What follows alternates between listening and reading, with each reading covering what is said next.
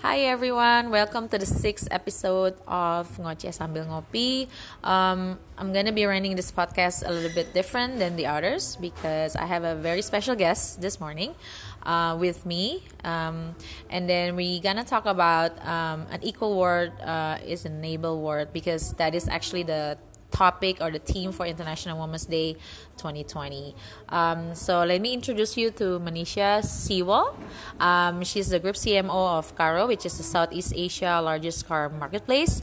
Uh, she's also lecturing at Singapore's Republic uh, Polytechnic, where she teaches uh, digital marketing to professional. And also, the awesome thing is she's also one of the Asia's most influential CMOs and top 50 women leaders in Asia. Hi, Manisha. Good morning. Thank Hi. you for joining me today. Hi, Fania. Lovely to meet you again. Thank you so much. yeah. So, maybe tell me a bit about yourself before um, we get into the topic of this year's uh, International Women's Day. Sure. So, well, my name is Manisha Seewal. I grew up in India and moved to Singapore about almost 20 years ago. Uh, uh, by profession, I'm a marketer, so I, I love marketing, advertising, uh, rather customer obsessed, I would say. um, and I like cars too, so I think my current role is quite quite fitting for me because I get to meet customers, listen to them, and we get to provide them the best car that they want. Nice, yeah. nice. so. Um, tell me about. Uh, well, you tell me a bit about yourself. Um, like, what is the day like um, for you as the group CMO? What do you actually do on a daily basis? I think this is something that um, I'm actually keen to know as well. And you know, like, what are the I guess daily activities they usually do? All right, sure. Yeah. So the good thing about being a CMO is that not every day is the same because every day it's there's good. a different challenge. Yeah. Right. So if you ask me what is my typical day like, I can't even tell you what today is going to turn out like. right. right. the good thing is every day is different. Every day is. You want to pause that? Nah, sorry. uh, so every day is different, and that's the beauty of uh, being CMO. Mm-hmm. I mean, if I'm sure if you compare my role to my peers, uh, COO, CFO. Mm-hmm you know, it's usually the quite similar nature of work every day. Mm. So, so a typical day would be uh, I would first spend time with the team. So mm-hmm. quickly ask them, are there any roadblocks that they're facing? Um, and usually they will communicate that to me either through WhatsApp or email. Yeah. So I am quite on top of things uh, for each of the countries I look after. Mm-hmm. So in Carro, I look after four countries: uh, Singapore, Malaysia, Thailand, as well as Indonesia. So I would I would ask the team if there are any roadblocks that they're having. Uh, I also uh, I'm quite well planned in terms of the meetings that I organize. Mm. Uh, so sometimes we get external vendors to bring in certain capabilities we may not have mm. in the team. So the meetings are also arranged uh, quite ahead of time. The agenda, agenda is set up. Uh, and I am quite particular about what we aim to get out of a meeting mm. even before we get into the meeting. Yes. Right. So I not everyone is doing that, and I'm actually probably similar like you. Oh, you I always, are. yeah, I always ask like, what is the objective of the meeting? What are we trying to get out of this meeting exactly. so that we can have an efficient meeting? Yeah, right? because people think meeting is a place is a good time to just hang out. Yes. It's, no, yes, the time yeah. is time is valuable. That's true. Yeah. So okay. so I arrange my, my meetings in a way that uh, I know exactly what we as, as a team hope to get out of it. Mm. And if the meeting is not heading in the right direction, I would just just cut it halfway and just say, okay, you know, thank you for your time. Because there's no point if we have certain expectations and the other party can't deliver, or yeah. um, you know, financially you realize it's not making sense, right. or uh, the timeline that you need certain things to be done cannot be delivered. Then mm. there's just no point dragging it. Yeah. Right. So so yeah, meetings is not. So one is team. Uh, meeting up with the team, clearing their hurdles, uh, next is meetings either with the team or external vendors, so we know how the growth will look like yeah. for each of the markets, but they all have different challenges. Um, third is I do make some time for myself as well, but I do that first thing in the morning. Same. Yeah. that's why when I have my coffee in the morning, yeah. that's my me time. Ah, there you go. Before yes. I start working. Absolutely, and that yeah. is I don't know if you feel that way, but for me, that has been life changing. Yes. Right? More productive. Yeah. I have more time to think and like actually look back on okay, if this thing doesn't work, what do we need to do, right? Yeah. Sometimes when you work in a startup or in an environment that is fast paced, um, you do things and then you forget to actually reflect back on the learnings. Yes. And I think that's yeah, very important. So spot on. You just stole words right out of my mouth. yes, one is to definitely to reflect. The other thing I realize is when everything is quiet, right, which is early morning for me, when my mind is still, I can I can uh, remove all the noise. You know, sometimes when you make decisions, there's a lot of noise around the environment. People yes. giving you their opinions, yeah. uh, and tend to make poor decisions. At least for me, I tend to make, make bad decisions then. So I leave a lot of decision making to early morning. Mm-hmm. So I would even sleep on certain big decisions. So in the morning, I know exactly how the day is supposed to pan out to be, mm-hmm. what I hope to get out of the day at the end of it, and uh, then you just move forward. But of course, again, being CMO of a startup, no day is alike. Every day there are different challenges. So right. as much as I can plan in the morning, mm. uh, it's not always as planned. And, and, to me, that's the beauty of it. Mm. So talking about the challenges, right? Because no day is the same like the other day. Mm. Um, how do you overcome this, the challenges? Um, also, maybe if you can share um, one of the challenges being like you know the female senior management sometimes we still have that kind of uh, bias uh, mm. or you know not getting your voice heard yeah. in a way yeah. yeah. well that happens i won't i will not lie right that doesn't that, yeah. Uh, it takes courage to speak up and uh, to be heard so one thing that has worked well for me and may help your listeners too right mm. is as women do you know that scientifically proven we tend to use more adjectives in like, a sentence to describe uh, a scenario or to make ourselves be understood. Hmm. Whereas if you are in a room full of men, they don't have time for those adjectives. They like things to be chop chop. Mm. So over time, I have actually learned to be very um, short and quick with the message I plan to deliver. Mm. And oftentimes in meetings, I would start by what I want uh, what is the outcome that I aim to achieve. Mm-hmm. So if things aren't working, I won't say. Uh, so imagine somebody is presenting some numbers, yeah, and you can see that uh, there is no growth in the strategy. So instead of saying being very politically correct, which I think women uh, we, we try to be polite, right? Yeah, it doesn't work. Right, right. Women, it does not work. Just say it as it is. So right. I, I, mean, you don't have to be rude, mm-hmm. but have to be firm. Yeah, and short and know exactly three, two or three reasons why it will not work. Mm-hmm. So have a very structured train of thoughts is what has helped me mm-hmm. at least in my career. So I'll be very quick to say, I think this is, uh, I hear where you're coming from, but I don't think this is going to work. Mm-hmm. And then everybody's like, what? Right. Right? And then you just, I, I think this is not going to work because of A, B, C. Right. But if you feel otherwise, you can tell me. Mm-hmm. So the conversation is very, um, it's, it's very uh, structured. Mm. Uh, so yeah, so please, women, use fewer words and have more structure when you deliver or you communicate. okay. Yeah, I think I, I agree as well. Um, this is also coming from my own experience. Um, I usually feel um, in Indonesia we say uh, nggak uh, enakan. Okay. So it's like I want to say something actually a bit harsh, maybe in the context, but I don't want to say it because I don't want to hurt their feelings. Hmm. So that one is passed away because um, at the end of the day, you don't get to say what you need to say, and yeah. then you know uh, either the project failed and then we're not learning anything from it or an initiative is not running because of certain things so yeah, yeah I, I learned the hard way you learned the hard way I learned okay so you know, talking about this, um, because this is we are celebrating International Women's Day on the uh, March eighth. Yeah.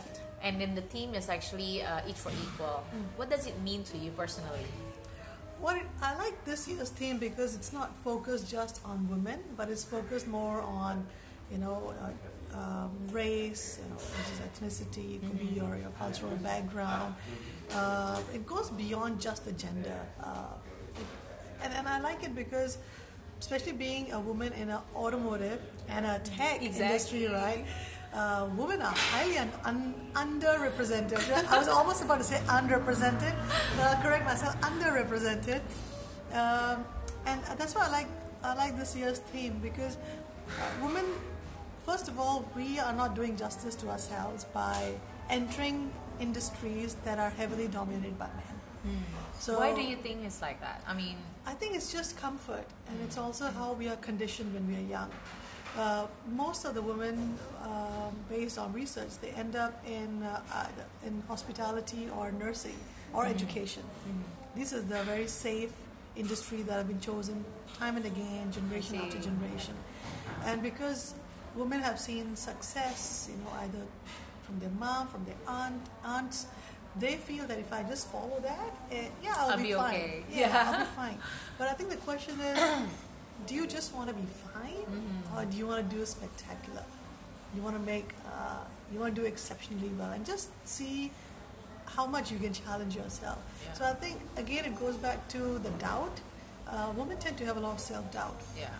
Uh, the moment you take them out from a proven model and it's not just for career even when it comes to investing uh-huh. do you know so i used to work in, in insurance industry right for more than a decade mm-hmm. the safest one of the safest products to buy in insurance is an endowment plan which means you put in so much money at yeah. the end of five years you're definitely going to get this much plus a little bit very little bit uh, yeah but you no definitely risk. get no risk no yeah, risk i see and yeah, yeah, 75% of the customers who bought that product mm-hmm. were women I Whereas see. you compare that to an investment linked product where you need to keep on track of your stocks, at yeah.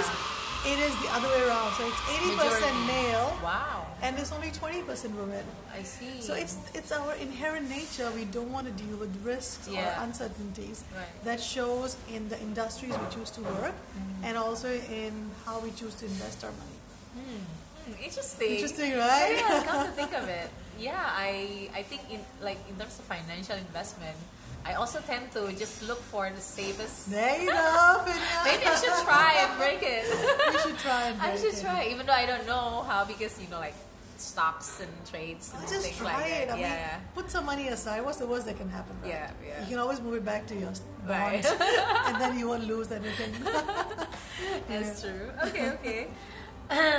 so, um, talking about the the um, women like uh, that inspires you or um, that becomes your role model. Yeah. Um, if you have any, can you name maybe three women leaders that you look up to? Sure. So I will go in no no order of preference. Uh-huh. Uh, the first one would be uh, Sheryl Sandberg. Okay. So Why? Why is that? I, I liked her because uh, she was able to bring Facebook to where it is today. Mm because of the way that she ran the operations and she was really able to monetize Facebook mm. to uh, the value that is bringing in today. So you know, all the Facebook ads that we're seeing, mm. uh, all the targeting that's been done. She was really the brain behind, not from it, from it being just a social community space mm. to being a money making engine. So I like that because very few women, at least I have seen, who are given the opportunity yeah.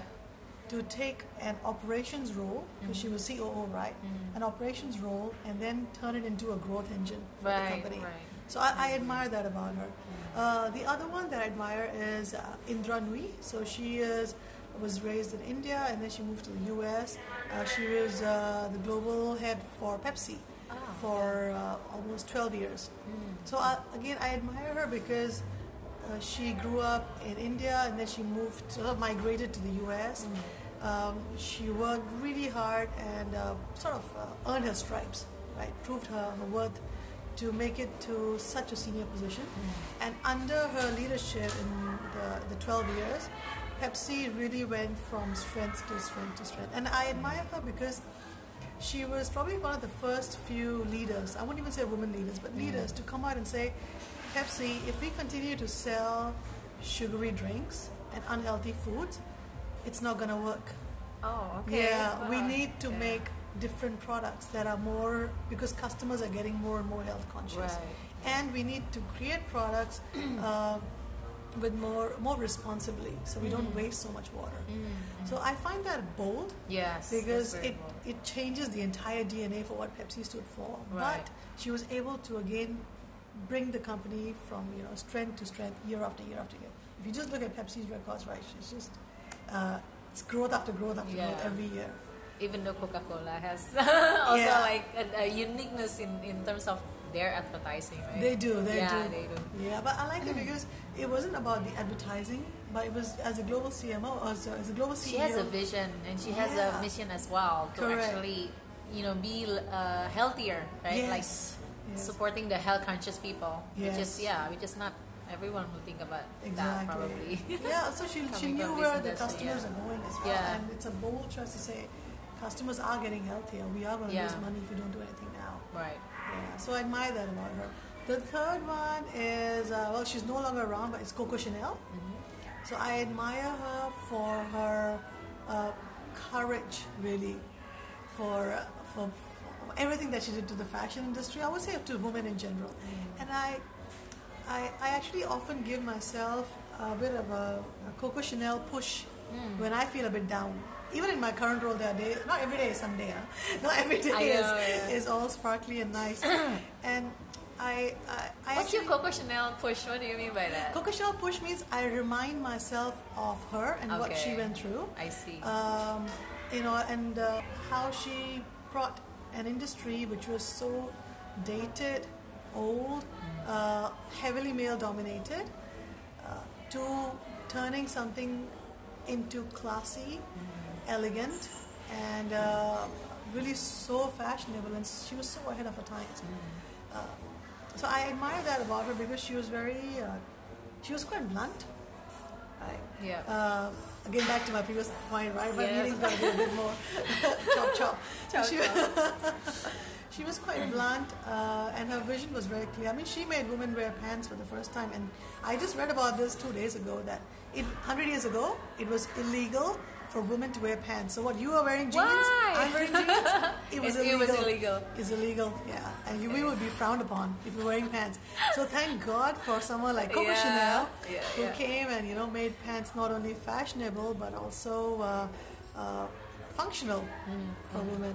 I think that's been. Uh, I often remind myself of her. So, ladies, stop buying her bag only.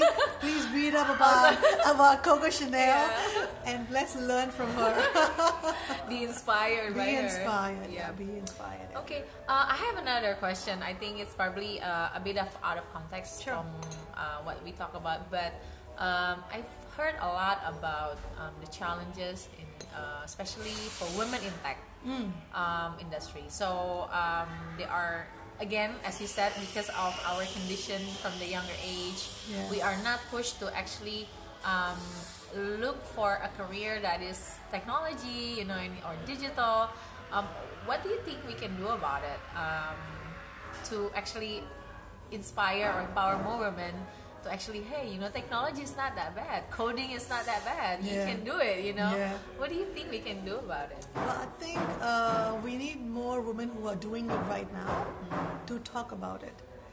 So they have a role model. Because when you look at people doing coding, you go to any multinational's IT department it'll be full of male, right? yes, yes. and that's where the conditioning starts. Like, oh, this is not for me, and then yeah. you just go back. Right. Even if women have an interest, they are not they will look at that and if they have a baby girl at home mm-hmm. they will think no this is for men no no you go and become a doctor or you become a nurse mm-hmm. or you become a teacher or a lecturer and it stops there so i think women who are already there so women like you mm-hmm. women like me owe it to the rest of our yeah. women out there to talk about to our talk experiences about and right. share it and tell them it's not difficult if you have an interest just go and pursue it mm. yeah i would rather women do what they're interested in rather than what they're conditioned to do.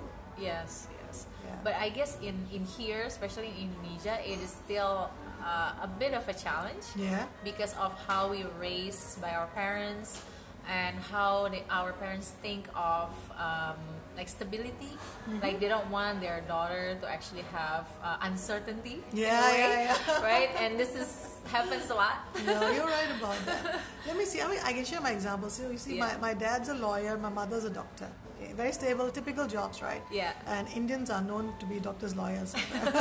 so I have an older brother. Mm-hmm. He followed my mom's uh, profession.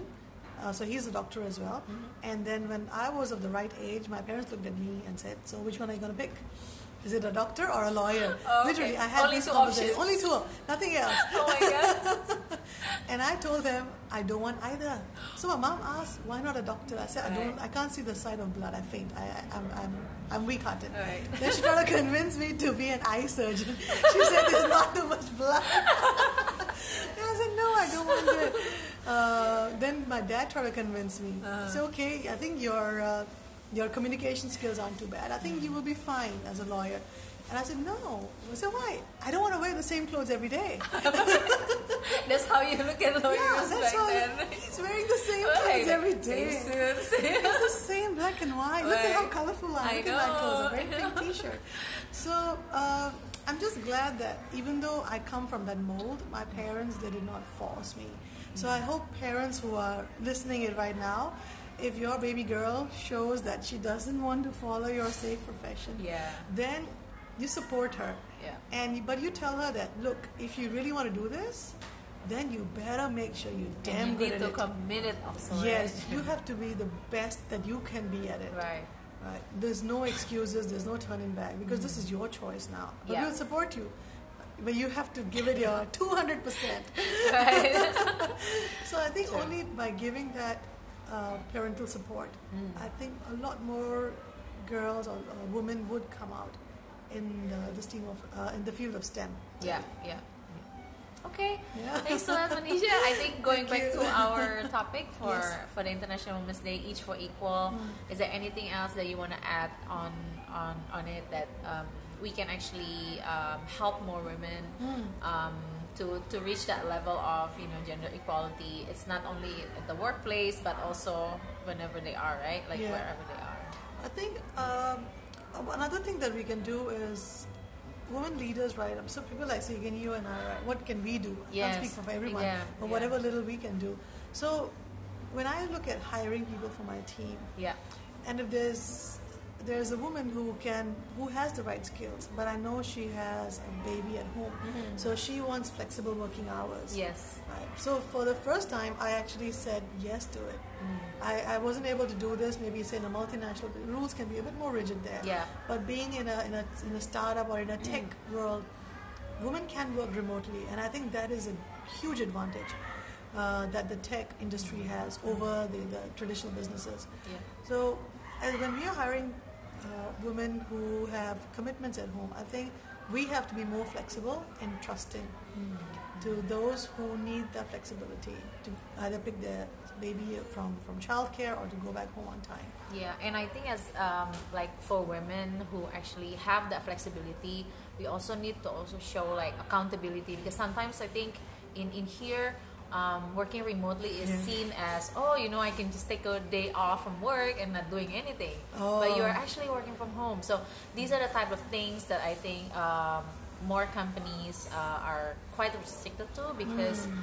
we haven't been able to show that we can actually manage uh, our work even though we work remotely. Understand? Yeah, okay. so I mean, it's not uh, only like within the women in Yeah. tech, but also like all, all people who work in the tech industry right now. So there's still, um, I guess, not, Not the level, level. of trust Okay. is not there yet. So we need to actually uh, prove that we can we can do it. You Mm. know.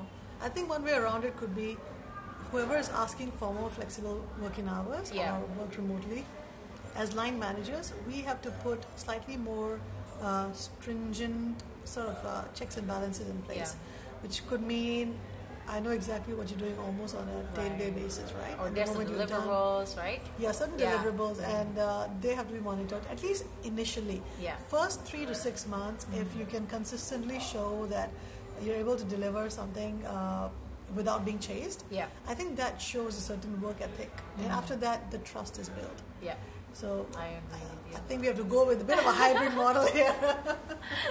not That's totally true. hands That's true. That's true. Yeah, not totally yeah. hands off. I think it's the balance is uh, should be good in terms of you know you work flexibly. Uh, you have a flexibility of working, and then actually getting the work done. Yes. yes. yeah, that's one thing for sure. Okay. Um, any other last um, words or maybe uh, additional comments? Well, the um, last words I would encourage women to please speak up more. Okay. Uh, be it meetings, be it gatherings, be yes. it events that you're attending. If you have a question, don't, be shy. Don't be shy to just. Uh, you know, you don't even need to raise your hand. Just stand up and ask. Yeah. You know, don't yeah. have to be so compliant all the time. Right. yeah. You have to make your presence felt uh-huh. uh, and known. Only then people will start noticing that there are more women who are uh, well, they're not just sitting in the background. If you're in a big meeting, in a board meeting, mm-hmm. please go and take a seat at the table. Don't yes. take a bench right at the back uh, stop making notes during a meeting. Uh, listen. Start speaking up. Yeah, start speaking up. Exactly. Yep. Thank you, Manisha. I think that's very helpful. Uh, and do you are you active on like Instagram or Twitter? Maybe if uh, some of my listener wants to um, you know, say hi to you or anything? Well, I'm always active on LinkedIn. okay, just so find her, Manisha Siwa, on LinkedIn. Thank you, Manisha. Thank you. Okay, so uh, this is the end of the sixth um, episode, and we'll see you soon at the other episode. Bye.